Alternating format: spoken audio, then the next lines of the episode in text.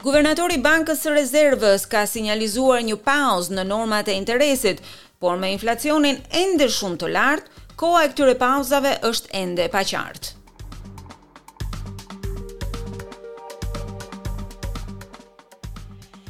Banka e rezervave mund të jetë shumë afër ndërprerjes së rritjes së normave të interesit. Megjithatë, ajo është e pasigurt se kur mund të ndodhë një gjë e tillë.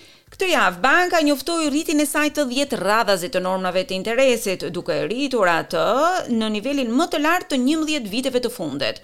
Me inflacionin ende shumë të lartë, guvernatori i Bankës së Rezervës, Philip Lowe, tha në një samit në Sidni se koha për një pauzë do të varet vetëm nga të dhënat ekonomike. If we don't get inflation down fairly soon, the end result will be even higher interest rates and more unemployment. We best avoid that.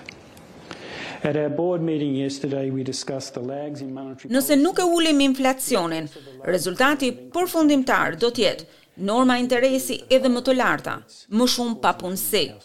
Duhet ta shmangim këtë.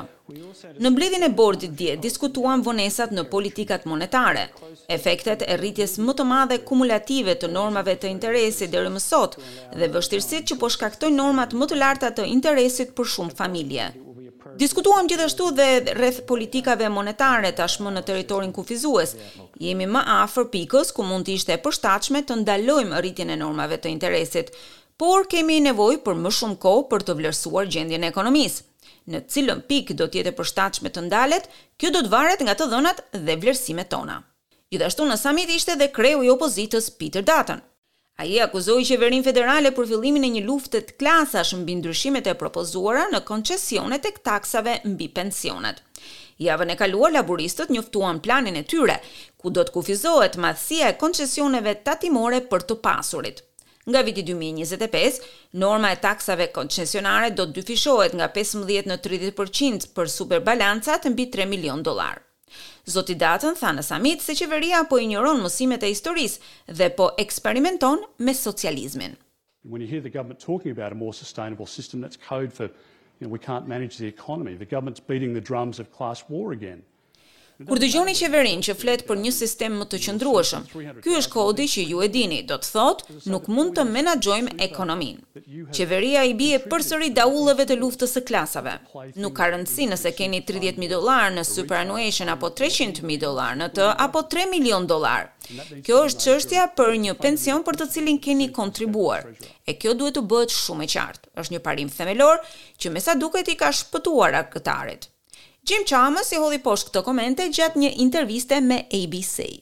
He's getting more and more ridiculous every day, I mean he's more We finally found someone who's more negative than Tony Abbott. Uh, more divisive than Scott Morrison uh, and more Po bëhet gjithnjë e më shumë qesharak çdo ditë. Nuk mjafton me kaq. Më në fund gjetëm dikë i cili është më negativ se Tony Abbott, më përçarës se Scott Morrison. Më qesharak çdo ditë që kalon. Dua të them se është poster për llojet e asaj politike që australianët e hodhën poshtë në muajin maj, e ai nuk ka mësuar asgjë nga kjo. Unë mendoj se thjesht u kujton njerëzve se ai nuk ka mësuar asgjë nga dështimet e një dekade të humbur në politikë. Ndërkohë, Komisionerja e Lartë e Britanisë në Australi u është përgjigjur komenteve të Peter Dutton për aleancën e AUKUS. Javën e kaluar, Dutton tha se do të preferonte që Australia të blinte modelin amerikan të nëndetëseve, në vend të atyre të Mbretërisë së Bashkuar. Kjo sipas këshillave që mori kur ishte ministër i Mbrojtjes mbi aftësinë e prodhimit të Mbretërisë së Bashkuar. Duke folur për Klubin Kombëtar të Shtypit, Komisionerja e Lartë Vicki Treadell u shpreh. Well, I told Mr. Dutton myself last night that I didn't agree with his view.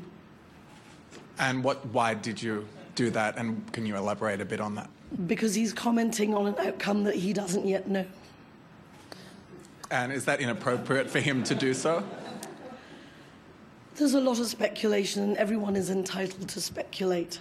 I was simply pointing out that I did not think such expressions were helpful on what is a genuine trilateral partnership started under his government. E në Canberra, deputeti liberal Dan Tehan i bëri thirrje kryeministrit që të rregullonte flamurin australian në krye të Dhomës së Parlamentit. Parliament House is the home of Australian democracy. Parliament sits here, heads of state come to meet with our prime minister here.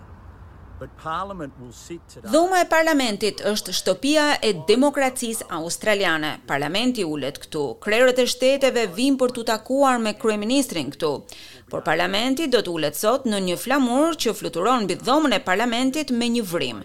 Shpresoj se kryeministri Anthony Albanese do të jetë në gjendje ta rregullojë situatën përpara se të mblidhet Parlamenti. Ne duhet të jemi krenarë për institucionet tona, duhet të jemi krenarë për Parlamentin dhe për flamurin tonë. Flamuri, i cili ka madhësinë e një autobuzi dykatësh, zakonisht ndryshohet të mërkurën e parë të çdo muaji. Megjithatë, erat e forta dhe stuhitë në Canberra e kanë penguar një gjë të tillë. Presidentja e Senatit, Sue Lines dhe kryetari i Dhomës, Milton Dick, kanë lëshuar që atëherë një deklaratë të përbashkët, duke thënë se mekanizmi i transportit të ngritjes për të ndryshuar flamurin aktualisht është në mirëmbajtje dhe do të ndryshojë sa më shpejt që të jetë e mundur.